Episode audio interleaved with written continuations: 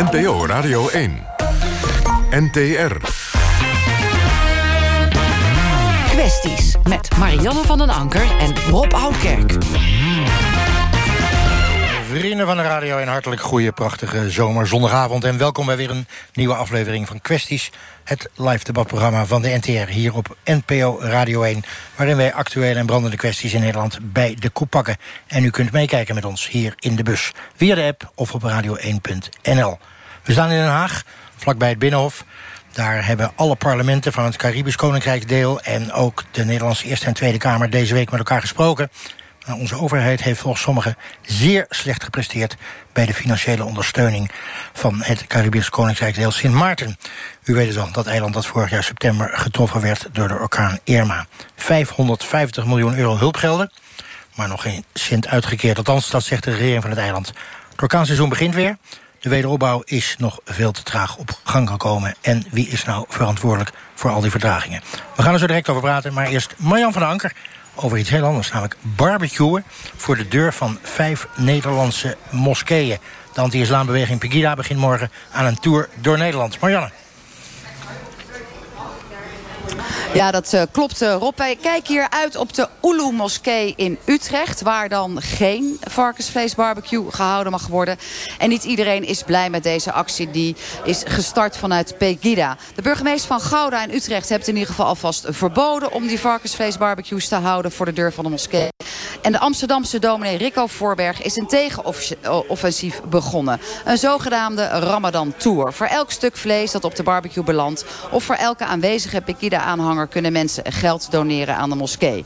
Ik heb ze allebei bij me. De Pegida-leider Edwin Wagenveld en dominee Rico Voorberg. We zijn alleen eerst de straat opgegaan hier in de buurt van de Oene-moskee. En we hebben daar aan mensen gevraagd, eigenlijk een stellingje voorgelegd. Het is prima dat Pegida varkensvleesbarbecues houdt voor de moskee... als protest, protest tegen de islam. Luistert u maar wat de straat daarvan vindt. Nee, tuurlijk niet. Met varkensvlees en uh, voor de, uh, in de Ramadan, maand Ramadan.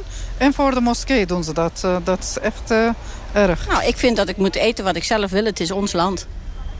Dus als ik uh, varkensvlees wil eten, eet ik varkensvlees. En hun zijn hier uh, zelf komen wonen. Dus uh, ze moeten maar eens wennen aan onze, aan onze cultuur. Dat is met heel veel dingen wat wij hier hebben in Nederland. Het is onze cultuur en wij willen doen wat wij zelf willen. Niet wat hun willen. Dan gaan ze maar terug naar hun eigen land. Ik vind het een beetje um, stoken, als het ware. Um, ik heb er geen, geen probleem mee als iemand zijn geloof heeft. Lekker laten leven. Leven laten leven, lekker laten doen.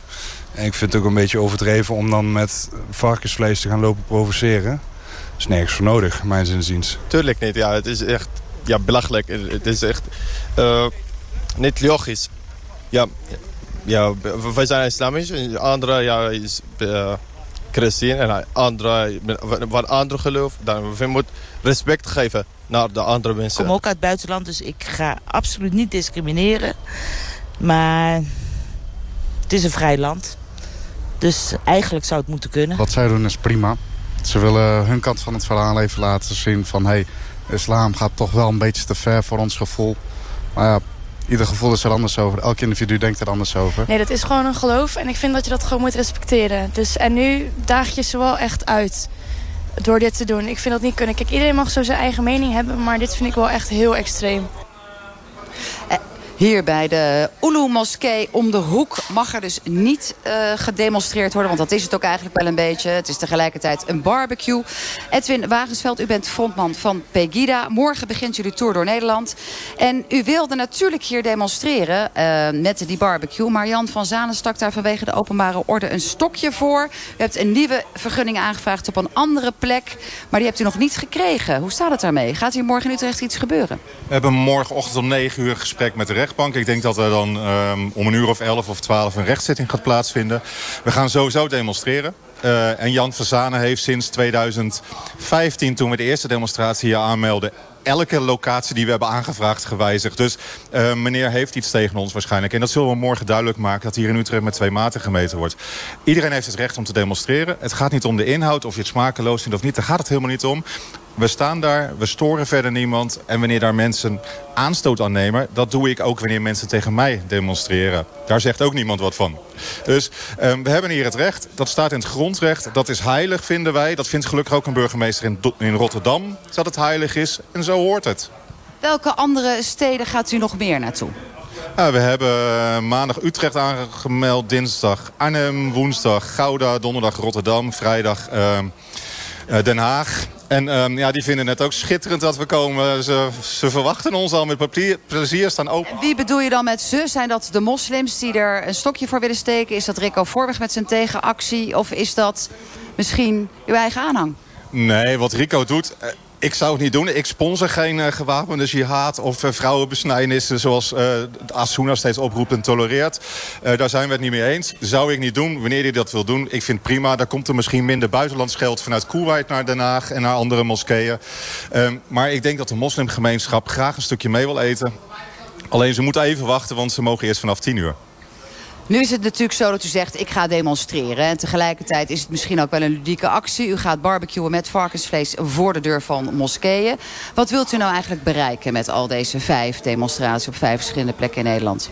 Het gaat om meerdere dingen. Het gaat om het demonstratierecht. Het gaat om de vrijheid van meningsuiting.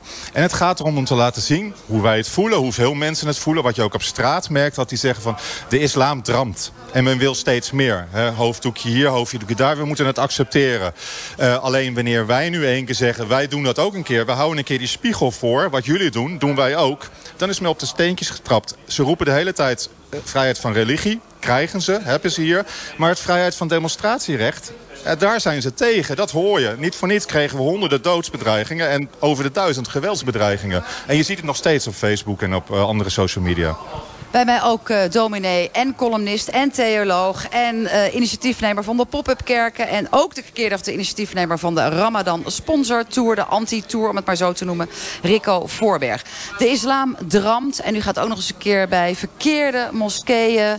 Uh, een tegenactie houden. Hebt u daar wel goed over nagedacht? Ja, ja zeker is daar, daarover nagedacht. Kijk, het, het, ding is dat ik vind dat uh, teksten zoals uh, waar Edwin op doelt... die moeten natuurlijk onderzocht worden. En dat gebeurt ook, is het OM gewoon mee bezig. En tegelijk is zijn, vind ik zijn actie dus daarin veel te ongericht. Maar ik ga niet protesteren tegen het OM die onderzoek doet naar bepaalde uitspraken binnen de Asuna-moskee. Maar wat ik vervelend vind is dat vrienden van mij, mensen die moslim zijn... Um, zich um, bekritiseerd voelen, gewoon in, in, wat, in wie ze zijn... Uh, buitengesloten voelen als, uh, als mensen die een geloof beleiden. Uh, kijk, op zich geen enkele moslim zal op het moment dat er iemand naast hem in het park bar, met varkensvlees dat lastig vinden. Maar het is altijd de toon die de muziek maakt. Op het moment dat je op die website van, van uh, Pegida Nederland ziet van nou, islam is vrouwenhaat, islam is dit, islam is dat, islam is dat. Uh, dan matcht het op geen enkele manier met, met mijn medeburgers... die ongelooflijk veel uh, liefde, barmhartigheid, zorg, mededogen en alles halen uit diezelfde islam. En vandaar dus uw tegenactie. Voor elk worstje, elke van Pegida... staat er een geldbedrag tegenover dat mensen kunnen doneren. Uh, is er al volop op gereageerd? Ja, er wordt ongelooflijk veel op gereageerd. Dat is heel leuk om te zien. Dat is natuurlijk ook onderdeel van, die, van deze actie. Maar bij Pegida staat er dan onderaan van... Nou, Nederland is van ons, we moeten terug naar Nederland. Nou, dit is Nederland. Mensen die zeggen... hé, hey, als iemand lullig doet tegen mijn buurman... dan compenseer ik hem eventjes met een, uh, met een bedragje. Uh, en zo, zo staan wij naast elkaar. Er zijn nu iets van 300, 400 mensen die hebben gedoneerd. Morgen hier in Utrecht... Uh, is er per Pegida demonstrant geloof ik 134 euro gaat naar de moskee. Dus als de moskee heel slim is, dan zetten er een paar mensen, eigen mensen in Pegida uh, uitrusting tussen. Dan, dan dat is goed voor hun uh, Hoe succesvoller de Pegida barbecues zijn, hoe meer geld er naar een moskee gaat. Maar dat geld, heb ik ook weer begrepen, wordt direct weer weggegeven. Want de Ramadan zet in het teken van weggeven. Als de moskee gaan het geld niet houden. Nou, dat, daar kan elke moskee zelf over beslissen. Maar er zijn een aantal die zeiden inderdaad van... Hey, het is Ramadan tijd eigenlijk gek dan, dan om te krijgen. Wij geven liever. Dus een van de moskeeën heeft al gezegd... wij doneren alles meteen aan de voedselbank. Uh, want dat past bij ons. We geven het meteen weer door. Nou, we hebben eigenlijk een ludieke actie hè, van Pegida, zo zou je het ook kunnen noemen... in plaats van een serieuze eh, demonstratie. En een ludieke actie terug. Ondertussen is het bloedserieus. We hebben mensen ook vandaag op straat gesproken. Die zeiden, het wordt echt een hel en het wordt een rel. Er is natuurlijk ook vanuit de openbare orde gezegd... die barbecues, dat gaat echt niet uh, wellicht uh, helemaal zachtzinnig en geweldloos verlopen. Is het jou daar ook om te doen? Je zegt, ik wil ze een spiegel voorhouden, etweemakers... of wil je ze ook uit de tent lokken, zodat ze geweld gaan gebruiken... wat iedereen kan zien? Nee, nee, het gaat niet om geweld. We hebben nog nooit tot geweld opgeroepen. Dat is altijd heel duidelijk. Zelf zijn we ook altijd geweldvrij. Ja, maar je tart ze natuurlijk wel. Het is voor de moskee met varkensvlees, barbecue in de ramadan. Dus het is nogal provocerend. Helemaal gelijk. Maar al die mensen die zich nu bekritiseerd voelen... Die, uh, en zeggen dit is een provocatie... dat zijn mensen die de protesten van de Palestina Palestijnen tegenover Israël... een normaal protest voelen. Waar autobanden in de fik gestoken worden, waar steen... Dat zijn provocaties, dat is geweld. Wij demonstreren met een carbonaatje of varkensvlees gewoon vreedzaam. En wanneer je daar niet tegen kunt, ondanks aankondiging van twee weken van tevoren... ja, dan klopt er iets niet. Ik word bij elke demonstratie geprovoceerd. Er staan altijd linkse mensen die roepen nazi's, fascisten, weet ik wat met borden. Dat moet ik accepteren. Daar leven we in een vrijheid van mening uiting in, de, in democratie in Nederland. Het hoort erbij.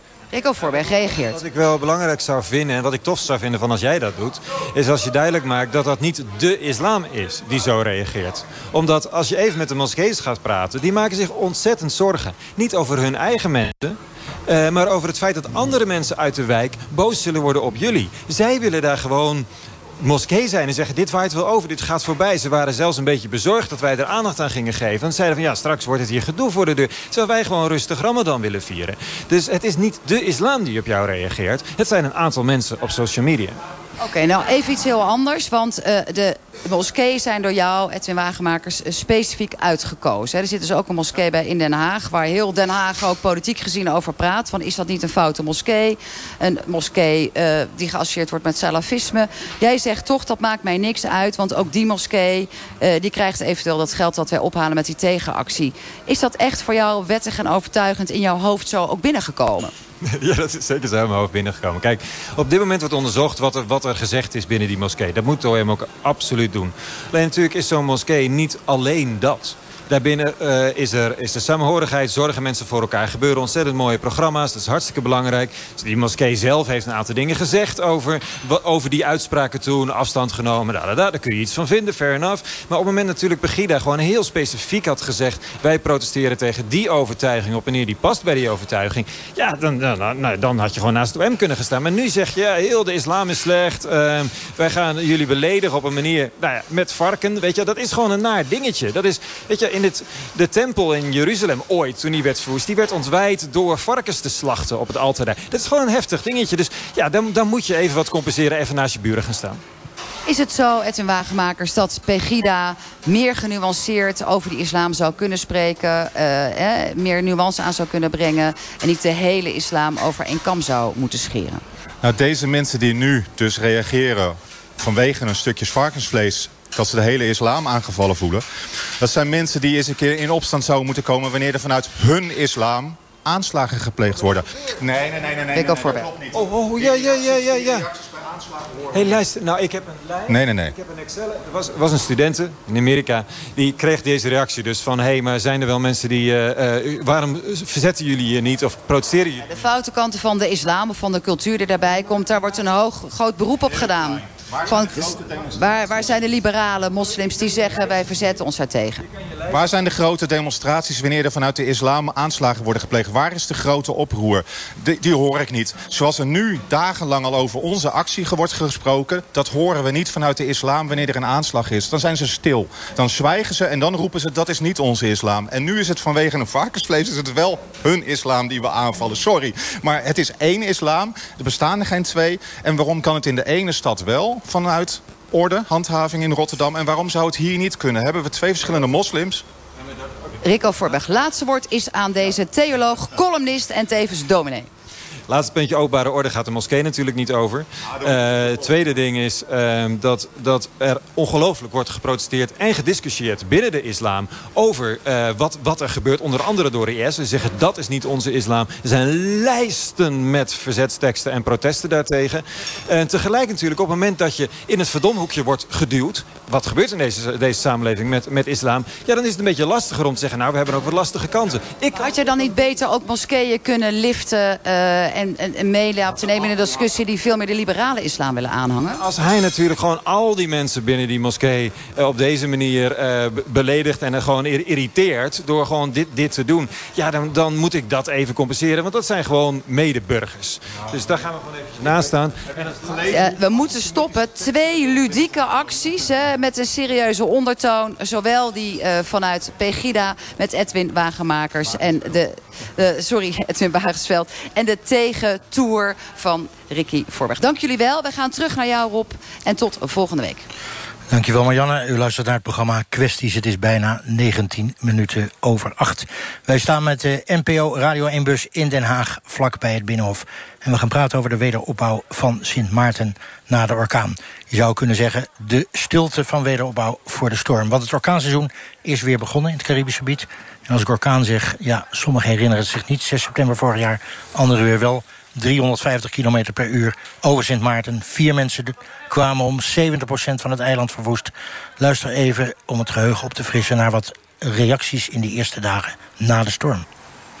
Orkaan Irma heeft het Caribisch gebied bereikt. Irma is een orkaan in de vijfde en ook gelijk uh, zwaarste categorie... met windsnelheden van bijna 300 km per uur. Gelukkig uh, zijn wij allemaal oké. Okay. Mijn kindjes zijn oké, okay. mijn man is oké, okay. ik ben oké. De orkaan heeft een ravage aangericht op eilanden in het Caribisch gebied. Op Sint Maarten zijn overstromingen langs de kust... en zijn daken van huizen weggeblazen. De eerste berichten over de schade doen het ergste vrezen. I want to show you the damage. Look at this. All the roofs are gone. Daken zijn weggewaaid. Straten liggen bezaaid met puin. Auto's zijn omgewaaid. De containers die door de haven in het water zijn beland en op de kade. En wat ik het meest opvallende vond was dat het een soort desolaat oorlogsgebied leek. Al het groen is van de bomen af. Alles is grauw. Die koningin zeg maar, van de Carib is gewoon gestript. Minister Plasterk sprak over de telefoon met de premier van het Nederlandse eiland. En wat hij tegen de minister zei was duidelijk. Help, de situatie beschreef hij als heel, heel erg. Het is een grote rommel overal. Het gaat stinken. Het, alle kleding is verpest, geruineerd. Alle, alles wat we hadden is weggevlogen. Um... Wat u aan heeft, dat is het wel zo'n beetje? Ja, inderdaad. Ja. Ik zou willen verzoeken aan de Nederlandse autoriteiten... om alsjeblieft zo snel mogelijk ervoor te zorgen... dat er hulp naar deze kant komt, alstublieft. We doen alles wat mogelijk is om zoveel mogelijk hulpgoederen eh, ter plaatse te krijgen. Ze hebben op dit moment alle hulp nodig die we kunnen bieden. Sint Maarten is een eiland met 40.000 inwoners, miljarden schade. Nederland belooft na de orkaan 550 miljoen euro. Dat is een heleboel, maar niet genoeg voor de wederopbouw. Maar wel onder twee voorwaarden. Onder die voorwaarden over die voorwaarden praten we straks. Maar er was flink wat politieke ruzie tussen Den Haag en Sint Maarten. Want de toenmalige regering Marlin wilde niet aan die voorwaarden voldoen. Uiteindelijk werd die premier ook weggestuurd. Kwamen in februari weer nieuwe verkiezingen. Ze zijn nog steeds aan het formeren. Maar sinds het vertrek van Marlin is er wel een tijdelijke regering. Over dat half miljard vanuit Nederland. Ja, de Wereldbank, dat is een soort fonds van de Verenigde Naties... die ging dat geld beheren en controleren. Maar waar is het geld en wordt het al besteed? Critici zeggen dat Nederlandse en Sint Maartense politici... over de ruggen van de burgers heen politieke spelletjes hebben gespeeld. Wie is er nou verantwoordelijk voor die vertraging in die wederopbouw? Maar vooral, u bent het van ons gewend... hoe kunnen we zo snel mogelijk maatregelen nemen... dat het allemaal weer goed komt daar? Of zijn we al te laat? Bij mij hier in de uh, Radio 1-bus in Den Haag... Dieudonné Ostiana, welkom. Je bent nu even in Nederland. Uh, ja. Je woont op Sint Maarten. Ja. Je hebt er verschillende banen. Uh, hoe heb jij die ramp ervaren in dat tijd? Um, het was echt puur toeval, maar ik zat aan deze kant van het Koninkrijk. Ik ben echt met de laatste vlucht vanuit Sint Maarten um, naar Nederland toegevlogen. Het was toeval, want die ticket had ik al twee maanden. Mijn broertje zou twee dagen daarna gaan trouwen. Dus ik was echt met reden voor de bruiloft hier in Nederland. En ik um, zat dus aan deze kant van het Koninkrijk naar alles te kijken. En ik ben met de eerste vlucht vanuit Nederland weer naar Sint Maarten gevlogen. Dus dat was um, 14 of 15 oktober. Toen. Maar hoe is dat dan? Dan zit je hier en dan zie je dat daar alles één grote puinzooi is. Ja. Dan word je toch helemaal gek? Ik herleefde het net toen we terug aan het luisteren waren. Het is echt, het, doet nog steeds heel veel pijn. Ik kon mijn leven vrijwel snel daarna oppakken, maar op aankomst, ik heb alleen maar gehuild. Ik kon, ik, ik zat gewoon in ehm, ongeloof. In een soort shock. Ja, in Hey, luister, nou is het acht maanden later. Stel, wij vliegen nu eh, vanavond nog naar Sint Maarten. Ik stap uit het vliegtuig. Wa- Wat zie ik dan nu op het eiland? Dan hoor je, je hoort de zee. Ehm, wij vliegen daar vanavond naartoe, dus we komen daar morgen aan. Dan zie je de zon. Ehm, je krijgt waarschijnlijk een cocktail in je hand. S maar je kan, ja. je kan, je zit in het vliegtuig en je kan wel zien dat er nog enorme schade is. Je ziet nog wel grote blauwe tarpolieën liggen. Het lijkt of eigenlijk elk huis een zwembad heeft, maar dat is het niet. Ehm, ja, de, de schade is wel duidelijk nog te zien. Bij mij in ook psychiater in opleiding, nog één jaartje. Naïm eh, Juliana, 28. Je hebt je hele jeugd op eh, Sint Maarten gewoond. En vlak na de orkaan ben je daarheen gegaan, ook om eh, mensen te helpen. Daar gaan we het straks wel even over hebben. Eh, jouw moeder, die daar woont, die heeft de orkaan meegemaakt, toch? Dat klopt, ja. En eh, wat is er met haar gebeurd, met haar bezittingen? Nou, haar, de orkaan heeft altijd twee fases, voor en na het oog. Voor het oog is het dak er al afgegaan. En toen kwam nog het tweede deel van de orkaan en die is helemaal door het huis gegaan. Dus ze was alles kwijt. Gelukkig was ze bij vrienden, maar ook daar was alles kapot gegaan. En zaten ze uren onder een matras verscholen. En ik had de eerste 36 uur geen contact. Dus toen heb ik me de beelden bekijkend... die ik net ook weer herleefde inderdaad... toen we de, eh, dat eh, stukje aan het begin van de uitzending... eh, me afgevraagd of ze nog leefde. En daarna gelukkig was het het geval. En nu? Waar is ze nu? Is het allemaal weer oké? Het is nu allemaal weer oké. Ja, we hebben, ehm, zijn een van de gelukkigen in, in het opzicht dat, dat wij verzekerd waren. en dat we het huis weer hebben kunnen opbouwen. En zij woont daar nu gewoon weer. Met andere woorden, als je verzekerd was, had je mazzel. Was je niet verzekerd, had je geen mazzel. En in die laatste categorie valt de meerderheid van het eiland. En wat zie je momenteel? Het is acht maanden later. Wat is op dit moment het grootste probleem op het eiland? Nou ja, wat ik ook vanwege eh, het feit dat ik voor een beroep ook daar ben geweest en heb eh, gewerkt in de psychiatrie, heb ik, eh, was ik in een positie om te zien dat er een soort stille tweede ramp zich voltrekt. Ehm, maar ook mensen die zich, die zich uiterlijk misschien eh, nog sterk houden. Dus ook, ook zeker de sterkere schouders in de samenleving die nog een baan hebben bijvoorbeeld, maar die nu zes, zeven familieleden moeten onderhouden die allemaal werk kwijt zijn. hele families in huis hebben genomen. Mensen raken psychisch, psychisch geknakt langzaam. Grote delen van de bevolking. Zie jij dat vanuit je professionele blik? Of is dat een, een ruis, hè? Dat, dat dat misschien niet zo is? Jij bent toevallig bijna psychiater, dus let daarop. Maar of is het echt zo dat je denkt van... hé, hey, dat is een tweede stille ramp? Nou ja, waren het zo dat het, dat het zich tot mijn spreekkamer had beperkt... dan had het mijn beroepsdeformatie kunnen zijn. Ehm, maar ik merkte dat ik op een gegeven moment na twee maanden... niet meer naar sociale gelegenheden ging. Omdat overal waar ik kwam... en ik denk niet alleen omdat ze me aanspraken vanuit mijn beroep... maar iedereen kon alleen maar praten over hoe zwaar ze het hadden. Ehm, dus dat is zeker niet alleen maar door mijn spreekkamer... eh, dat ik dat beeld heb. Dus de wederopbouw is eh, letterlijk, maar ook eh, figuurlijk te nemen. De Nederlandse Astrid Schagen geeft les op Sint Maarten. Wat doet een orkaan eigenlijk met kinderen op het eiland... en hoe is de situatie nu? Ik geef hier nu vier jaar les op Sint Maarten. Uh, in die vier jaar heb ik twee orkanen meegemaakt. Ja, wat het met de leerlingen doet. Merkbaar is het niet meer in de klas. Waar het vooral heel merkbaar gaat zijn, is denk ik volgend jaar... met de jaarprogramma's die uh, nou, flink in de clinch zijn gekomen. En waar gewoon volgend jaar nog heel veel ingehaald moet worden. Want dit jaar zijn heel veel programma's gewoon niet, niet tot het einde volbracht. Er zijn scholen die nog steeds geen gebouw hebben. Uh, er zijn scholen die, waar een aantal klaslokalen nog steeds onwerkbaar zijn. Er zijn scholen die, die gewoon volop draaien. Wat we hier wel hebben is vanuit het Rode Kruis ook dat uh, er um, ook uh, ontbijt en warme lunches worden verstrekt op scholen. Want er zijn ook leerlingen die thuis, omdat hun ouders geen baan hebben, um, door de orkaan. Heel veel, het hele hotel, het hele toerisme is wat dat betreft best wel ingestort. Dus veel leerlingen die hebben ouders die geen, um, ja, geen inkomen hebben. Dus die hebben thuis ook geen ontbijt en ook niet genoeg eten. Dus er zijn ook kinderen die gewoon met honger naar school komen. Suzanne Koelega, journalist, woonde 14 jaar op Sint Maarten... werkte in Nederland als verslaggever voor de Daily Herald. Dat is het enige dagblad wat nog draait hè, na de orkaan. Ja, klopt. Welkom hier. Uh, die scholen functioneren redelijk, zegt de lerares. Maar veel arme kinderen die zonder eten naar school gaan. Hoe is die verhouding eigenlijk tussen arm en rijk op Sint Maarten? Is groot, veel groter dan hier in Nederland. Groter dan hier in Nederland? Ja, zeker. Ja, hier in Nederland is natuurlijk ook armoede. Uh, maar daar heb je echt nog uh, mensen die uh, onder een, een zinken dak wonen. En die mensen zijn niet verzekerd en raken als eerste hun baan kwijt. Want ze werken vaak in de informele sector. Ze werken in de restaurantjes en de hotels. En een groot gedeelte van de hotels zijn nog steeds dicht. Dus deze mensen hebben geen inkomen. En uh, dat is geen beste situatie. Kijk, mijn ouders die wonen ook op Sint Maarten... maar die zijn vermogend en hebben een goed huis... en die hebben geen schade. Het is heel oneerlijk eigenlijk als je er zo over nadenkt. Nou zijn we tien minuten bezig. Zou je kunnen zeggen dat je drie rampen had? Je had de orkaan zelf, hè, dan met alle ellende en alle schade. Dan heb je zeg maar de stille ramp waar iemand het over had... namelijk de psychische problemen. En dan heb je ook nog als derde probleem... dat de kloof tussen arm en rijk gewoon groter is geworden. Nogal wat nasleep dus. Klopt, die mensen hebben ook het hardste uh, hulp nodig. Heb ik ook vanaf dag één gezegd. Uh, oproep hier in Nederland gedaan om uh, vooral te denken aan het traumatische effect van, van de orkaan. Maar vooral de kwetsbaren in de samenleving als eerste te helpen. En gelukkig heeft Nederland daar ook aandacht voor. Aandacht voor, is dat genoeg? Nou ja, de eerste weken zag je de... de uh, de noodhulp, dat ging heel goed onder leiding van Defensie. Maar dat is altijd zo Dat, dat, ja. dat ging heel goed, inderdaad. En uh, toen gingen zij weg en toen moesten we weer de opbouw gaan beginnen. En toen kregen we de hele politieke discussie... waar je ook al net aan refereerde in je introductie.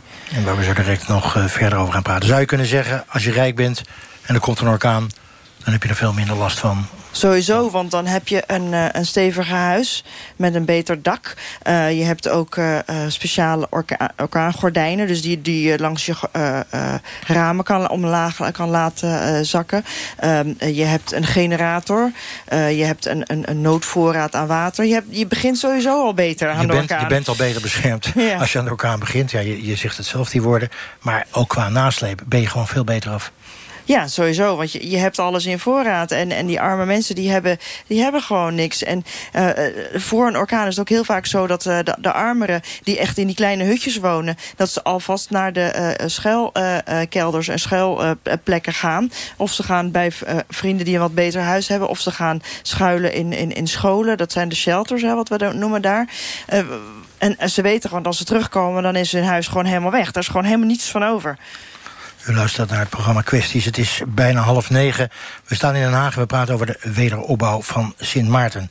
Even over die economische situatie. Laten we even luisteren naar de Nederlandse architect Wouter Schipper... die op Sint Maarten woont en werkt. Wij zelf en ons bedrijf is, uh, een zware klap gekregen. We zijn gehalveerd, uh, ook uh, met, met, met, het team. Maar het heeft ons ook veel sterker gemaakt. En misschien nog wel meer ons doen beseffen dat we heel erg van het eiland houden... en waarom we hier dus ook nog blijven. Het heeft zoveel, zoveel schoonheden. Maar ja, we voelen ook een bepaalde angst dat toch ook over ons heen komen voor het nieuwe seizoen. Dus als ik heel eerlijk ben, weet ik niet zeker of we helemaal zijn hersteld. Het is een zwaar jaar geweest, mentaal en fysiek. Er zijn momenten geweest inderdaad dat we dachten aan uh, terugkeren naar Nederland. Of misschien wel vertrekken richting de Verenigde Staten. Maar vooralsnog uh, blijven we zeker weten wonen voor, voor een periode op het eiland. Dat is natuurlijk ook niet lekker dat mensen van het eiland vertrekken. Dat zal ook niet goed zijn voor de economie. Even over de economie, Suzanne. Um, uh, 90% toerisme, geloof ik ongeveer. Ik begrijp dat het toerisme zich alweer herstelt. Dat de boten alweer voor de deur liggen. Dat aan het eind van het jaar verwacht wordt... dat het weer op het toeristenniveau van voor de ramp is. Dat is toch goed voor de economie daar? Ja, maar dat beeld klopt niet helemaal. Want um, uh, je noemt nu de cruise-toeristen, ja. maar dat is maar een gedeelte. En dat zijn niet degenen die het meeste geld brengen, binnenbrengen. Het zijn de stay-over tourists, de mensen die dus een week lang... de Amerikanen die een week lang uh, op, het, uh, op het eiland blijven... die moeten in de hotels blijven. En um, die hotels zijn nog niet allemaal herbouwd. Het, het gaat in fases. Sommige hotels zijn begonnen aan de herbouw. Sommige zijn nog helemaal dicht. Vergeet niet de Franse kant, dus is nog veel grotere beschadiging geweest. Daar zijn een aantal hele elementaire, hele belangrijke hotels... voor de echte rijke Amerikanen zijn gewoon dicht. En die gaan voorlopig ook niet open. Sommige gaan over een jaar open, over twee jaar. Maar dat stuk inkomen missen wij nog steeds. Ruud Gansenvoort uh, van GroenLinks, Eerste Kamerlid. Hartelijk welkom ook hier. Uh, die economie, hoe lang gaat het nog duren voordat het hersteld is daar op Sint Maarten? Het is een beetje koffiedik kijken. eh, maar voordat je echt weer... Kijk, sowieso, je komt nooit meer terug waar, je was. Maar het duurt natuurlijk jaren voordat dat gewoon echt eh, helemaal structureel, eh, structureel hersteld is. Je hebt, eh, je hebt de wegen, je hebt hotels, de, die hele infrastructuur. eh, plus het vertrouwen wat mensen ook weer moeten hebben... dat het veilig is om daarheen te gaan. Dat het een, een mooie plek is om daarheen te gaan. Daar speelt natuurlijk bij dat die afhankelijkheid van het toerisme... die helpt ook niet om dingen weer op te bouwen. Als je meer variatie in je economie zou hebben... dan heb je ook meer veerkracht om eens een keer een, eh, ook een heel ingrijpende dingen op te vangen. Maar goed, als daar een orkaan overheen komt dit jaar, volgend jaar, over twee jaar... dan begin je weer op nul. Nou ja, het punt is wel dat we natuurlijk ook rekening mee moeten houden... dat er meer orkanen zullen komen en dat die ook eh, heftiger zullen zijn. Dus eh, ze staan ook nog voor de grote uitdaging... om bij de wederopbouw dat op zo'n manier te doen... dat ze beter bestand zijn tegen volgende orkanen. Maar heb je eigenlijk wel tijd voor zo'n wederopbouw als zo'n orkaanseizoen? Hè? Je hebt ieder jaar een orkaanseizoen, dus dan heb je misschien de helft geregeld. Ja. Komt er weer een orkaan overheen, kan je weer beginnen. Nou, het is natuurlijk niet zo dat in ieder orkaanseizoen eh, er zo'n orkaan zo, eh, zo eh, volledig over het eiland heen vaart. Dus je mag hopen dat we in ieder geval dit jaar gespaard blijven voor een al te grote ramp weer. Maar het risico is wel weer aanwezig. Nou is dat risico aanwezig. Nederland heeft gezegd eh 550 miljoen stellen we beschikbaar. Twee voorwaarden. Kan je even uitleggen aan mij wat die twee voorwaarden waren... die aan Sint Maarten werden gesteld? Ja, die hadden te maken met de grensbescherming en die hadden te maken met de integriteitskamer. En die integriteitskamer is een wens die Nederland al langer had. Dat eh, die eigenlijk ervoor op toeziet dat degene die eh, op Sint Maarten zich met openbaar bestuur bezighouden, dat die grondig gescreend worden. Sint Maarten zei al een aantal jaren van dat zien we wel zitten, maar dat willen we graag zelf regelen. En Nederland zei van nou, dat zien we niet zo dat jullie zelf regelen. Wij willen dat graag vanuit het Koninkrijk willen dat regelen. Oké, maar dat wou Nederland al heel lang, al, al ver voor die orkaan. Zeker. En ehm, ehm, nou, laat ik het maar zo zeggen. De gelegenheid van de orkaan en van de is aangegrepen om eh, eigenlijk af te dwingen dat eh, Sint Maarten ermee zou instemmen. En dat is gelukt. Dat is gelukt. Ehm, uiteindelijk heeft het Sint Maartense parlement, en ik vind dat ze daarvoor te prijzen zijn, die hebben eh, eieren voor hun geld gekozen. Die hebben gezegd van laten we stoppen met de politieke strijd en dit gewoon accepteren. Maar of het nou helemaal de meest zuivere eh, eis van Nederland was, daar kun je echt wel je vragen bij hebben. Aan de telefoon onze laatste gast vanuit Middelburg. André Bosman, Tweede Kamerlid voor de VD VVD. Hartelijk welkom. Ja, goedenavond. Zeg, eh, die 550 miljoen, hè, waarom waren die twee voorwaarden... voor financiële hulp aan Sint Maarten nou van zo groot belang? Want die ene voorwaarde die lag er eigenlijk al, begrijp ik. Ja, maar als je ziet dat het al jarenlang ligt, dan is de vraag waarom het niet gebeurt. En eh, dan gaan we een ruim een half miljard investeren in, eh, in Sint Maarten. Dat is ook van belang. Ehm, maar dan mag je ook zeggen van, dat moet wel goed terechtkomen. Want het zou echt teleurstellend zijn als je ziet dat eh, we zoveel geld eh, in, in Sint Maarten pompen... en dat het niet op de goede plek terecht zou komen. Oké, dat zal iedereen met je eens zijn. Maar nou zijn we acht maanden na de ramp. En inmiddels weer een nieuw orkaanseizoen. Ik had het er al over aan het begin van de uitzending. En we zijn nog niet echt begonnen met de wederopbouw van het eiland. Dan kan je de bewoners eigenlijk bijna niet aandoen, toch? Ja, maar dan moeten we ook even kijken naar de verantwoordelijkheid van het land Sint Maarten zelf. Ehm, Nederland heeft geen zeggenschap in de wederopbouw van Sint Maarten. We gaan geld beschikbaar stellen, veel geld. We hebben in het begin zelfs ook nog noodhulp gegeven. Sorry, dat Maar kan, het ik, dat kan ik echt niet aanhoren. Maar... Nee, eh, nee, je mag zo. Nee, ga, ga verder, André, want eh, iemand kan het niet aanhoren... maar ik, die krijgt nog even niet het woord. Ga gerust verder. Ja, nee, want het is een landsverantwoordelijkheid. En als, we, als mensen vinden dat het een Nederlandse verantwoordelijkheid is... dan moet je dat bestuur aan de kant schuiven. Dat is natuurlijk niet aan de orde. Er zijn juist verkiezingen geweest. Juist, er komt nu een nieuw kabinet. Ik heb gesproken met de eh, parlementariërs van Sint Maarten. Ehm, en alles, alles kan daar gewoon gebeuren. Maar mensen moeten daar wel keuzes maken. En dat is ook het geld is beschikbaar. Dat gaat in samenspraak eh, wel met de bestuurders van Sint Maarten. Ehm, maar er ligt ook een, een zeer grote verantwoordelijkheid op het eiland zelf. Naïm Juliana, hier bij ons in de bus. Je kan hem niet zien, maar hij kon je niet aanhoren. Naïm. Nou dat heeft te maken met het feit dat ik denk dat Nederlandse parlementariërs... zeker iemand als André Bosman, die al jaren de voormalige Antillen in zijn portefeuille heeft... ehm, twee verantwoordelijkheden hebben. Eh, enerzijds eh, hebben ze de verantwoordelijkheid om inderdaad te zorgen... dat de Sint overheid het geld goed gebruikt. Maar anderzijds, als zij besluiten dat volledige bedrag... eh, eigenlijk over te maken aan een derde partij, namelijk de Wereldbank... dat er daar ook goed toezicht op is. En wat ik heel erg cynisch vind, is dat we nu acht maanden later zijn... eh, dat ik denk de luisteraars ook hebben kunnen mee, mee constateren met ons... dat de situatie nog schrijnend is. En dat eh André Bosman wat mij betreft blijft steken... in de politieke realiteit van september 2017. En het nu de vraag is, heel concreet, laatste eh, van mij dan... ehm, wat gaan Nederlandse parlementariërs doen, ook naar diezelfde belastingbetalers toe... om te zorgen dat de Wereldbank zijn targets haalt en het geld goed besteedt? André Bosman, duidelijke vraag. Vertel. Ja, maar nogmaals, het ligt aan de plannen die er zijn. En ik maak die plannen niet. Het is ook niet mijn verantwoordelijkheid om die plannen te maken. Het is de verantwoordelijkheid van NGO's, van bedrijven, organisaties, zeker ook het parlement eh, en de staten en de regering van Sint om met goede plannen te komen. Ehm, en dat het zo lang geduurd heeft. A, eh, enorm gedoe met eh, bestuurders van Sint Maarten die absoluut niks wilden, bezig waren met interne politieke strijd. Ehm, dus dat verwijt moet echt niet naar Nederland komen. En daarnaast, ehm, om het proces te starten, eh, moet je daar ook goede afspraken over maken. En eh, een verkiezing tussendoor heeft ook niet geholpen. Want we waren ook nog op zoek naar een, eh, een bestuurder voor, het hele, voor de hele organisatie. Dus dat zijn allemaal dingen die de zaak in een vertraging heeft gezet. Oké, jullie zijn het duidelijk niet eens. Ik, ik ga even, ehm, ik wou bijna zeggen, staatsrecht halen... bij Gerhard Hoggers uit Groningen, hoogleraar. Zijn wij als Nederland... Als ik nou gewoon als luisteraar zit te luisteren... ik presenteer toevallig dit programma... maar als ik naar luister zou ik denken... zijn we eigenlijk wel verplicht om dat geld aan Sint Maarten te geven? Ehm, ja en nee.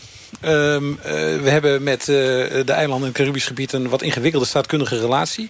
Dat is vastgelegd in een document, dat heet het statuut. En daar staat in dat eh, de landen van het Koninkrijk... dus Nederland, Sint Maarten, Aruba en Curaçao... dat zijn de vier landen, dat die elkaar hulp en bijstand verlenen. Nou, vanuit dat perspectief, ja, Nederland moet helpen.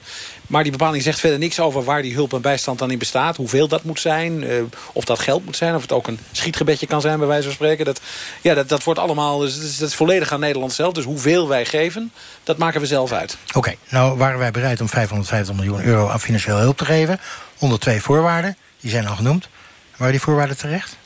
Nou, eh, laten we zeggen, nee. Eh, voor een deel zeker niet. Kijk, Welk deel? eh, zeker waar het gaat om die integriteitskamer... is het een, is het een flauwekul eh, eis die Nederland gesteld heeft. Eh, dat debat loopt al eh, sinds 2013 Maar, maar wacht even, even, André Bosman, ik kan je nu niet zien, want die zit aan de telefoon. Die Ja. zegt, ja maar luister eens, dat wouden we al heel lang. Dat is ook terecht dat we dat willen. Dus ja, ehm, we hebben even de gelegenheid genomen om dat als eis te stellen. Ja, eh, het Maar is... dat is wel cynisch. Maar dat is wel cynisch. Ja. Dat is wel cynisch, Nee, zegt eh, GroenLinks, Ruard Gonsvoort, Eerste Kamer. Ja. Ja, kijk, dat je, dat je zegt van eh, die integriteit was een issue... en dat, dat je daar naar wil kijken, dus je zegt, kunnen we dat beter regelen? Op zichzelf een legitieme vraag. Maar dan om deze gelegenheid aan te grijpen om dat door te drukken... terwijl het helemaal niet op zichzelf noodzakelijk was... om een goed toezicht op die gelden te houden. Want dat Precies. loopt via andere lijnen. Precies. En er zijn, ook, er zijn ook jarenlang verschillende manieren geweest om uh, wederopbouwgelden of ontwikkelingsgelden vanuit Nederland niet direct door de Spaanse overheid te laten besteden. Zegt Juliana. We gaan, het, we gaan het even niet ingewikkeld maken. Wij, we hadden in Nederland, ik zeg dat met name voor de luisteraars... we hadden altijd al de wens om die integriteitskamer te krijgen. Zeg maar, om even te kijken of het allemaal wel goed loopt. Ik vertaal het maar even in heel plat Haags, eh, omdat we in Den Haag staan. Ja, dan is het toch niet zo heel erg dat je zo'n orkaan gebruikt... om te zeggen, jongens, laten we dat nou even doen. Nou, los van het hele cynisme-verhaal... Ehm, het debat was tussen Nederland en Sint Maarten volkomen vastgelopen... omdat Nederland Sint Maarten een type regeling door de strot geduwd had... kun je rustig zo zeggen... waarvan de hoogste rechter op Sint Maarten gezegd heeft... dit kan dus helemaal niet. In strijd met de meest elementaire rechten. Maar wacht even, heeft Nederland dan misbruik gemaakt van de ramp? Zou je dat zo kunnen zeggen? Ja, vind ik wel. Want nou ja, in die zin dat Nederland opnieuw dus is gaan doordringen... dat ding er moest komen. Maar die integriteitskamer zoals die nu is... Ja, dat stelt niet zoveel meer voor. dan in die ga- zin is het ook volstrekte symboolpolitiek geworden. Oké, maar dan ga ik even lullig doen. Kan ik dan concluderen, of ga ik dan weer veel te snel... dat die wederopbouw onder andere is vertraagd... omdat Nederland oneigenlijke eisen heeft gesteld? Wat mij betreft zonder meer wel. Ja. Ja, ik hoor ja, ja, ja. Eh, André Bosman. André Bosman. Nee, jongens, ja, met alle respect. We zien dat Sint Maarten grote problemen heeft. Niet alleen nu, al jarenlang. Er is nu dat onderzoek naar de havens. Dat is mijn vraag al voor jarenlang. Ik vraag al jaren naar de overheidsinvest. Waar zit dat geld? Waar gaat het geld heen? Er komen nu steeds meer onderzoeken. Als je kijkt naar het aantal statenleden wat nu verdacht is, wat veroordeeld is en al die zaken meer, dan is het bizar om te denken dat dit wel goed gaat komen zonder integriteitskamer. En dan vind ik het echt te gek voor woorden dat mensen zeggen dat is er even Ja. doorgedrukt. Nee, dat is echt wel de basis van goed bestuur voor Sint Maarten. Ah, meneer, En meneer, zeker- Bosman, meneer Bosman, u weet net zo goed als ik... dat de integriteitskamer zoals die nu er ligt... die landsverordening nergens over gaat... vergeleken met het vorige ontwerp. Zegt Het is nu een soort- Hogers. Het is nu een soort veredelde ombudsman geworden. Die had Sint Maarten al. In die zin is het volstrekt symboolpolitiek... de- waarmee Nederland kan zeggen... kijk, we hebben toch mooi die integriteitskamer voor, voor elkaar gekregen. Je zou van de andere kant net zo goed kunnen zeggen... dat het feit dat op Sint Maarten nu drie of vier statenleden vervolgd worden... laat zien dat het Openbaar Ministerie werkt... dat er zelfreinigend vermogen is... dat er rechterlijke macht functioneert functioneert Er, gebeurt van alles. En dat betekent niet dat er geen problemen zijn. Natuurlijk zijn er grote problemen op Sint Maarten. Maar die worden op deze manier niet opgelost. Suzanne Koelega. Er is een groot verschil tussen de integriteitskamer en de wederopbouw. Ik, ik vind dat dat twee hele verschillende dingen zouden moeten zijn. Ook omdat de integriteitskamer niet direct over de wederopbouwfondsen gaat. Uh, maar over de algehele integriteit binnen de overheid. En natuurlijk is daar veel mis op Sint Maarten. Uh, ook een heel groot deel wantrouwen, moet ik zeggen, vanuit Nederland. We hebben ook veel fouten gemaakt op Sint Maarten. Uh, maar we moeten ook Sint Maarten de kans geven als jong land... om dit zelfreinigend vermogen op te bouwen. Daar gaat jaren overheen. Maar ik vind niet dat de, de wederopbouw en de integriteitskamer... dat zijn twee aparte dingen en die moeten apart behandeld worden. En bovendien wil ik ook nog even zeggen... dat uh, in 22 jaar geleden, uh, na orkaan Lewis... was er geen integriteitskamer. Toen is er ook vanuit Nederland geld gegaan naar Sint Maarten. En dat is heel keurig besteed toen de tijd. Het kan dus wel. Uh, even naar de chambre de réflexion. Woord Ganswoord, je zit toch in de Eerste Kamer. Daar vinden de reflecties plaats. Jullie worden het niet met elkaar eens. Um, spelen scherprechter? Nou, ik denk dat er werd gezegd van ligt het alleen uh, uh, aan Nederland? Nee, maar het ligt wel ook aan Nederland. En ik denk dat dat wel een belangrijk punt is om naar te kijken. Er is, zijn hele ingewikkelde structuren, ook omdat het via de Wereldbank gaat, wat ook vertraging oplevert. Er is te lang ge gestrekt. Waarom moet dat dan, wacht even, waar moet het dan weer in de Wereldbank? Is dat zo'n fijn onafhankelijk instituut wat het allemaal goed regelt? Nou, in ieder geval beter dan alleen Nederland of alleen Sint Maarten. Dus in die zin kan ik dat wel voorstellen. Maar een soort je, onafhankelijke derde. Nou ja, dat wel. Maar je zit daarmee wel gelijk aan een hele grote organisatie. En heel veel bureaucratische vertraging. Dus dat, en dat, dat willen we nou net niet? Nee, maar goed, tegelijkertijd, als je heel veel geld uitgeeft... Uh, wil je ook wel dat dat een beetje zorgvuldig gaat. Dus... Vanzelfsprekend. Zorg, maar zorgvuldig is ook op tijd. Nou, is ook op tijd en is ook, uh, laat ik zeggen, zeker als je grote dingen wilt doen. Uh, je kunt zeggen van, we gaan nu zoveel procent van de kosten gaan we gebruiken om toezicht te houden op de uitgaven. Je kunt ook zeggen, nou, als we nou iets minder doen en accepteren dat het af en toe een keertje fout gaat. En daardoor gewoon veel sneller en effectiever kunnen werken. Misschien is dat nog wel een slimmere keuze. Zeg jij, het had anders gekund of het had anders gemoeten? Nou, het had anders gemoeten, maar of het anders gekund, dat is altijd maar lastiger. Ai, dat is bijna een tegeltjeswijsheid. Ja. Uh, ja. Nu even over de schuld. Dat is altijd interessant in Nederland. Hè? Wie heeft de schuld en wie heeft de boete? Wij spraken ook met Giovanni Johnson op Sint Maarten. Hij vindt dat de lokale politiek het er lelijk bij heeft laten zitten. There are a lot of elders suffering. No roof. Some still don't even have proper lighting and water. Er zijn hier veel ouderen aan het lijden. Geen dak, sommigen hebben niet eens elektriciteit en water. Het Rode Kruis was er, de Nederlandse militairen waren er. Fantastisch, maar ze zijn nu weg. Waarom worden de mensen niet verder geholpen hier? Als je echt goed kijkt, dan doet de overheid niets behalve zichzelf helpen. Ik ben niet bang om over hen te spreken, want we hebben al jarenlang geleden. Hoeveel verkiezingen hadden we nou in de afgelopen zeven jaar? De overheid op Sint Maarten doet niets behalve zichzelf helpen. Heeft Giovanni een punt, uh, vraag ik telefonisch aan André Bosman, Kamerlid voor de VVD. André? Nou, helemaal niets, uh, moet je nooit zeggen. Um, um, maar de, de, prioriteiten ben ik wel een beetje naar zoekende. Uh, daken op huizen, al die zaken meer. Er zijn mensen werkeloos. als je met, met programma's komt, omscholing... Uh, maakt mensen timmerman, uh, mensen die nu bezig zijn eigenlijk uh, of afhankelijk zijn van een inkomen uit de toeristische industrie en geen werk hebben, zet ze aan het werk als, als, als timmerman. Maar daar moet je wel een programma voor maken. Moet je wel mensen bij elkaar halen, je moet leiding geven. Ehm, en daar moet je een plan voor maken. En dat, dat, dat geeft een hele andere dynamiek. Maar dan ben je wel zelf bezig met die wederopbouw. Okay, en dat, en dat, dat, mis ik wel een beetje. En het plan ontbreekt. En je hebt natuurlijk ook heel veel uh, verkiezingen binnenkort, geloof ik, de achtste regering, uh, Suzanne, in acht jaar tijd. Dat zegt ook wel iets over de politieke stabiliteit daar, toch? Ja, er wordt op dit moment zijn ze bezig met een screening. Samaart heeft hele strenge eisen voor ministers. En uh, die worden op dit moment gescreend. En dan hopelijk hebben we uh, over twee weken ongeveer een uh, nieuwe regering. Maar het is heel goed mogelijk dat de huidige interim premier blijft zitten. Mevrouw Leona Marlin. Maar het beeld, het beeld herken ik wel. Dat de Sint-Maartse regering de afgelopen jaren niet heeft uitgeblonken... door daadkracht en door goede oplossingen. Zegt Ruud Ganzenvoort. Nee, en ze hadden bijvoorbeeld al 40 miljoen tekort volgens mij... voordat die uh, orkaan er doorheen raast en begrotingstekort. Je, je, misschien moet je wel controleren dat al die regeringen daar... misschien de laatste ook wel gewoon niet goed met geld kan omgaan. Nou, er is al jarenlang is er ook, een, uh, is er ook toezicht vanuit de, uh, de Koninkrijksregering... op de uitgaven van de verschillende landen. Overigens zoals Nederland dat ook heeft vanuit Brussel. Dus helemaal niet raar dat er van buitenaf naar gekeken wordt. Dat geeft ook altijd gedoe en en discussie. Uh, maar dat dat uh, begrotingstoezicht er is, uh, dat, is, dat is denk ik nodig. Is ook goed. En dat helpt om gewoon stevig naar maar te goed, kijken. Wij hebben hier ook de Algemene Rekenkamer in Nederland. Ja, dus dat, nee, dat is allemaal niet abnormaal. Nee, dat is helemaal niet abnormaal. Je ziet trouwens ook dat op Sint Maarten, ik ken het al wat Gerrit net zei. volgens mij zei jij dat, dat, dat de, die instituties daaromheen, zoals de ombudsman, zoals ja. de Rekenkamer, dat die eigenlijk steeds beter beginnen ja. te werken. Ja. Dus Sint Maarten groeit langzamerhand naar een steviger uh, uh, bestuur. Oké, okay, laten we dat optimistisch vaststellen. Het groeit langzaam naar een stevigere structuur. Maar professor Gerard Hogers, drie van de vijftien parlementariërs van Sint Maarten zijn onlangs veroordeeld. Nou, in ieder geval vervolgd, ja. Vervolgd, oké. Okay. Ja, dat is uh, de lopende... Okay. Ja. Er zijn nog een aantal anderen die worden verdacht van strafbare ja. feiten. Dus ik kan mij ook voorstellen dat Nederlandse politici denken... nou, um, komt het geld wel op de goede plek terecht daar? Ja, in, uh, in sommige opzichten is, is Maarten net Zuid-Limburg, uh, zou je kunnen zeggen. Hè? Vertel eens, vertel eens. Een kleine gemeenschap. Ja? Uh, de politiek staat dicht op de burger.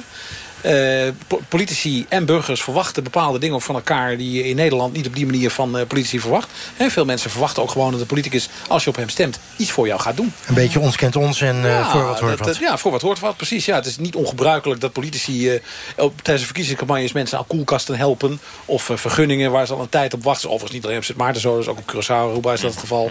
En op de, op de, de, de, eilanden die nu bij Nederland horen ook. Het is, het is voor een deel ook een schaalprobleem. Ik heb, een schaalprobleem. Ik heb, ik heb ook wel eens begrepen dat uh, op Terschelling geloof ik 2% of zo van de verkeersboetes aan Terschellingers uitgereikt wordt. En de rest aan toeristen. Want ja, lokale politiemannen kunnen eigenlijk niet goed Terschellingers uh, uh, verkeersboete okay, geven. Dat, dat zou, ik vind een mooie vergelijking. Toch zullen de meeste mensen die luisteren, of de meeste mensen, maar sommigen zullen denken, nou, Terschelling is geen bananenrepubliek, maar daar wel. Nou kijk, het probleem is een beetje dat Sint Maarten is een gemeenschap van 40.000 mensen, wat flink deel illegaal is. Dus je hebt het ongeveer over Alphen aan de Rijn, maar het is een land met een regering, een grondwet, uh, rechtelijke macht, een parlement. En uh, ik ben het op zich helemaal met meneer Bosman eens. Bijvoorbeeld als hij zegt dat er moeten goede plannen gemaakt worden. Dat is allemaal waar. Maar ja, dus, maar de regering heeft tien ambtenaren. Die moeten dat doen. Die moeten alles doen. Dus het is, het is ook gewoon een kwestie van, van een schaalprobleem... om alles überhaupt van elkaar te krijgen. Een kleine, kleine aanvulling daarop. Ja, ja. Naar aanleiding van een recent verschenen artikel... waarin, uh, ik geloof in de Telegraaf... de minister van Financiën van Sint Maarten, ja. Ferrier, zei... Ja, van er is zo'n enorme winkel aan bureaucratie op, opgetuigd... Uh, met het Wereldbankverhaal... Uh, dat wij letterlijk de mensen niet hebben... om het uren werk die erin gaat zitten... om überhaupt die taal, dat een soort Japans is voor Sint Maarten... Hè, te gaan leren van de Wereldbank. Om überhaupt, dus dat schaalprobleem is geëxacerbeerd... door de keuze van Nederland om al dat geld aan de Wereldbank over te ja. maken. Oh, met andere woorden, de Wereldbank stelt een aantal misschien best redelijke eisen... maar je hebt echt wel wat meer dan tien ambtenaren nodig om überhaupt die eisen... Ja, vraag of die om te eisen redelijk zijn ook. Nee, oké, okay, maar laten we even aannemen dat ze redelijk zijn. Laten we de Wereldbank niet afmaken. Maar dan zeg je, ja, met tien ambtenaren is dat gewoon niet te implementeren... is niet uit te voeren. Hey, als, als, Nederland dat wil, dan moeten we zorgen dat Sint Maarten de ondersteuning krijgt... met, ja, uh, met de experts die gewoon dit soort aanvragen kunnen schrijven... dit plannen Zeker. kunnen schrijven... Dan komen we verder. Oké, okay, ja. zegt uh, in dit geval Ruud Gansenwoord van uh, um, GroenLinks. Uw collega uh, Van Raak hè, van de SP. Die is nog duidelijker misschien. Die zegt in een column... de helft van het parlement staat voor de rechter. Is al eens veroordeeld of zal dat in de toekomst worden? En hij is van mening dat we met de politici op Sint Maarten... niet kunnen samenwerken. Ja, de heer Van Raak houdt van uh, sterke uitspraken. En uh, trekt daarin ook regelmatig samen op met de heer Bosman. Dus die uh, horen misschien zo meteen ook nog hierover. Maar ik vind het allemaal veel te generaliserend. Ik vind dat niet bijdragen aan de relatie van vertrouwen die we ook moeten hebben. Ja, er zijn problemen. En er zijn problemen ook met integriteit.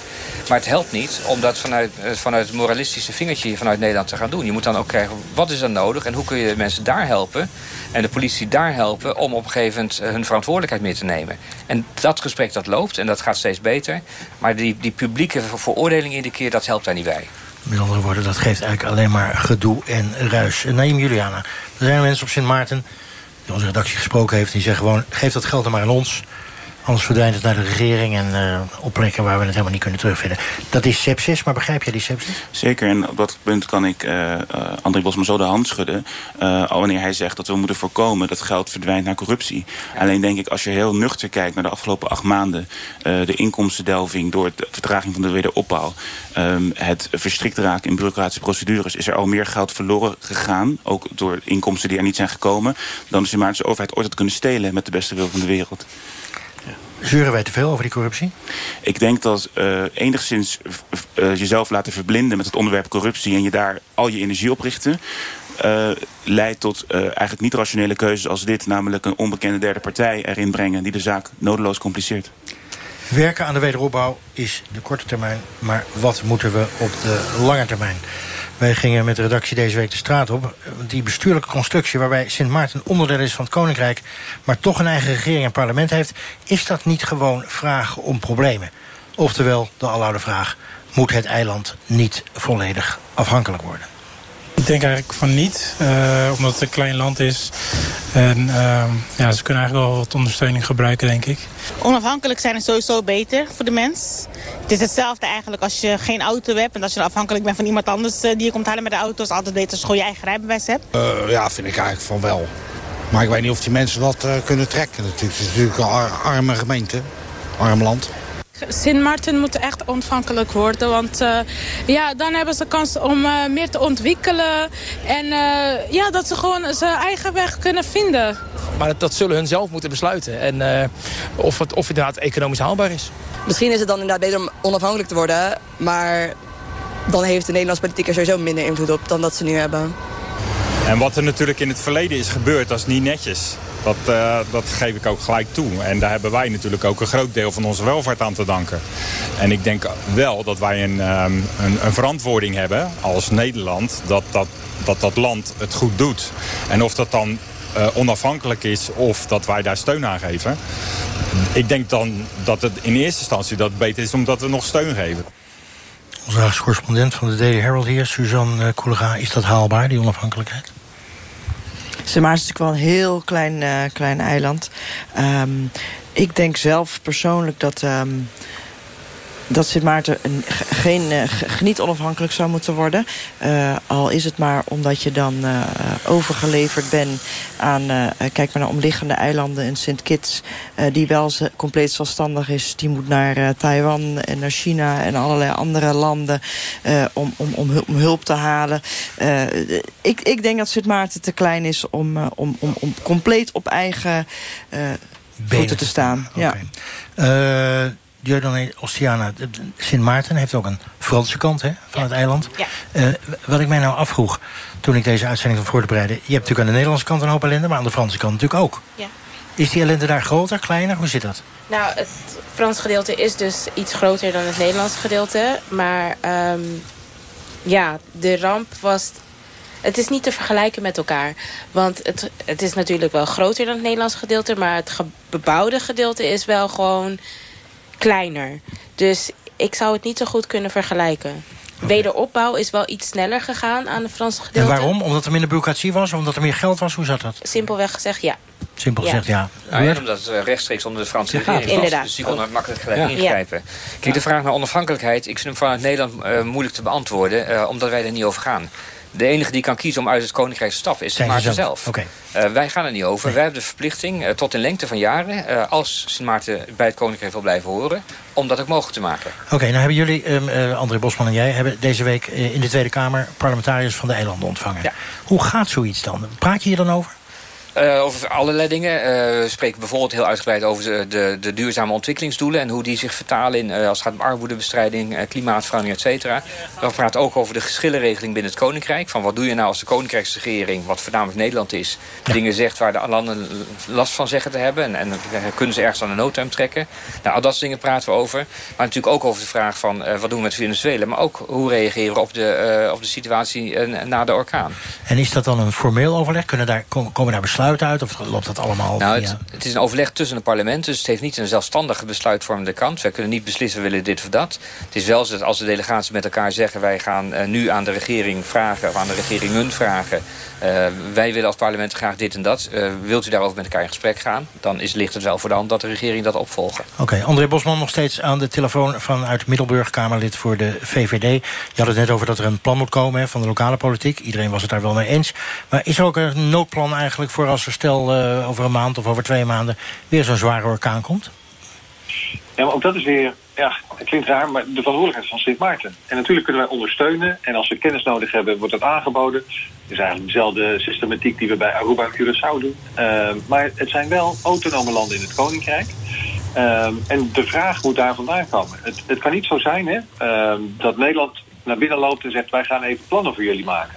Uh, want, want, dan moet je afvragen, wat is dan het, uh, de, de, de staatsvorm, het statuut, het koninkrijk op die manier dan waar? Ik uh, begrijp je, maar ik begrijp ook dat uh, mensen op Sint Maarten er misschien iets anders over zullen denken. Ik ga even terug naar Neem Juliane. Jij zei aan het begin van de uitzending, zei er is eigenlijk een tweede stille ramp. Namelijk de posttraumatische ellende, zullen we maar zeggen. Uh, nou ben je over een jaar klaar als psychiater. Ga je erheen? Ja, ik, ik, denk dat ik zeker... Uh, wat, wat, de laatste jaren hebben bewezen... is dat, uh, dat ik niet lang weg kan blijven. Uh, nu was ik al sneller terug vanwege de ramp. Um, maar er is heel veel nodig daar op psychologisch vlak. Ja, maar één afgestudeerde psychiater, met alle respect voor jou... je bent natuurlijk groots in je daden, maar dat, dat is een druppeltje op een uh, ja, plaat. En dus, dus, ja, dus hoe moet die hulp dan nou ja, in kaart om, worden gezet? Om eerlijk te zijn heb ik vooral mijn tijd daar ervaren... dat het niet alleen moeten zoeken in psychiatrische, psychologische hulp. Veel van de problemen die mensen hadden waren terug te voeren op de grote onzekerheden op macro-economisch niveau. Mensen die misschien nog een baan hebben, maar die uh, uh, van de leiding, leidinggevende horen dat uh, er eigenlijk nauwelijks nog liquiditeit is in het bedrijf. En dat ze het eigenlijk wel kunnen vergeten voor het daarop volgende jaar. En zo'n groot deel van de bevolking die chronisch met die mate van onzekerheid loopt, vertaalt zich uiteindelijk naar komst naar mijn spreekkamer. Maar ik, ik heb niet, niet de oplossing daarvoor natuurlijk. Nou krijg ik uh, deze uitzending um, uh, leidend toch een beetje een gevoel van... gaat het allemaal wel goed komen? Hè? Nog één orkaan eroverheen. Misschien niet dit jaar, misschien niet volgend jaar, misschien het jaar daarna. Dit, ik vind een beetje een somber beeld wat jullie met z'n allen schetsen. Nou, ja, aan de ene kant wel, maar uh, verkijk je niet op de veerkracht van mensen. En verkijk je niet op de veerkracht van de samenleving. Dankjewel. Dankjewel, zegt uh, ja, ja, de ja, Ja, zeker. Vandaar dat ik ook aan het begin van de uitzending zei... al vlieg je daar nu naartoe, ja, je ziet... Je krijgt die cocktail toch morgen? Ja, je krijgt wel die cocktail in je hand. Je hebt wel de zon en je hebt de zee en de mensen... en wat toch wel het eiland maakt inderdaad die veerkracht van de mensen. Maar wij moeten wel proberen om die onzekerheid... want ik deel het helemaal wat, ja, wat je zegt... Nee, die onzekerheid, uh, om daar uh, uh, die echt terug te brengen. Want daar zit echt, nou ja, waar mensen beginnen ook weer grond onder de voeten krijgen. Wederopbouw gestoeld op veerkracht, heel kort. En dat betekent Zo. investeren. Met geld. In orkaanbestendig bouwen. In orkaanbestendig bouwen. Um, we hebben het gehoord. Tot zover deze uitzending van Kwesties. Dit keer was het vanuit Den Haag. Zometeen Radiodoc. En ik kondig het maar vast even aan. Het is wel een totaal ander onderwerp. Want wat nou als je geen monogaam bestaan wil leiden? In de radiodocumentaire Kies of Delen duikt Misha Kolen in de wereld van de polyamorie. Sommige mensen hebben weer hele andere problemen. Volgende week zondag zijn we er weer, ergens in het land. Bekijk ook de Facebookpagina van Kwesties voor extra's. En hebt u nou een kwestie, of morgen een kwestie... waarvan u denkt, die moet in die bus worden besproken...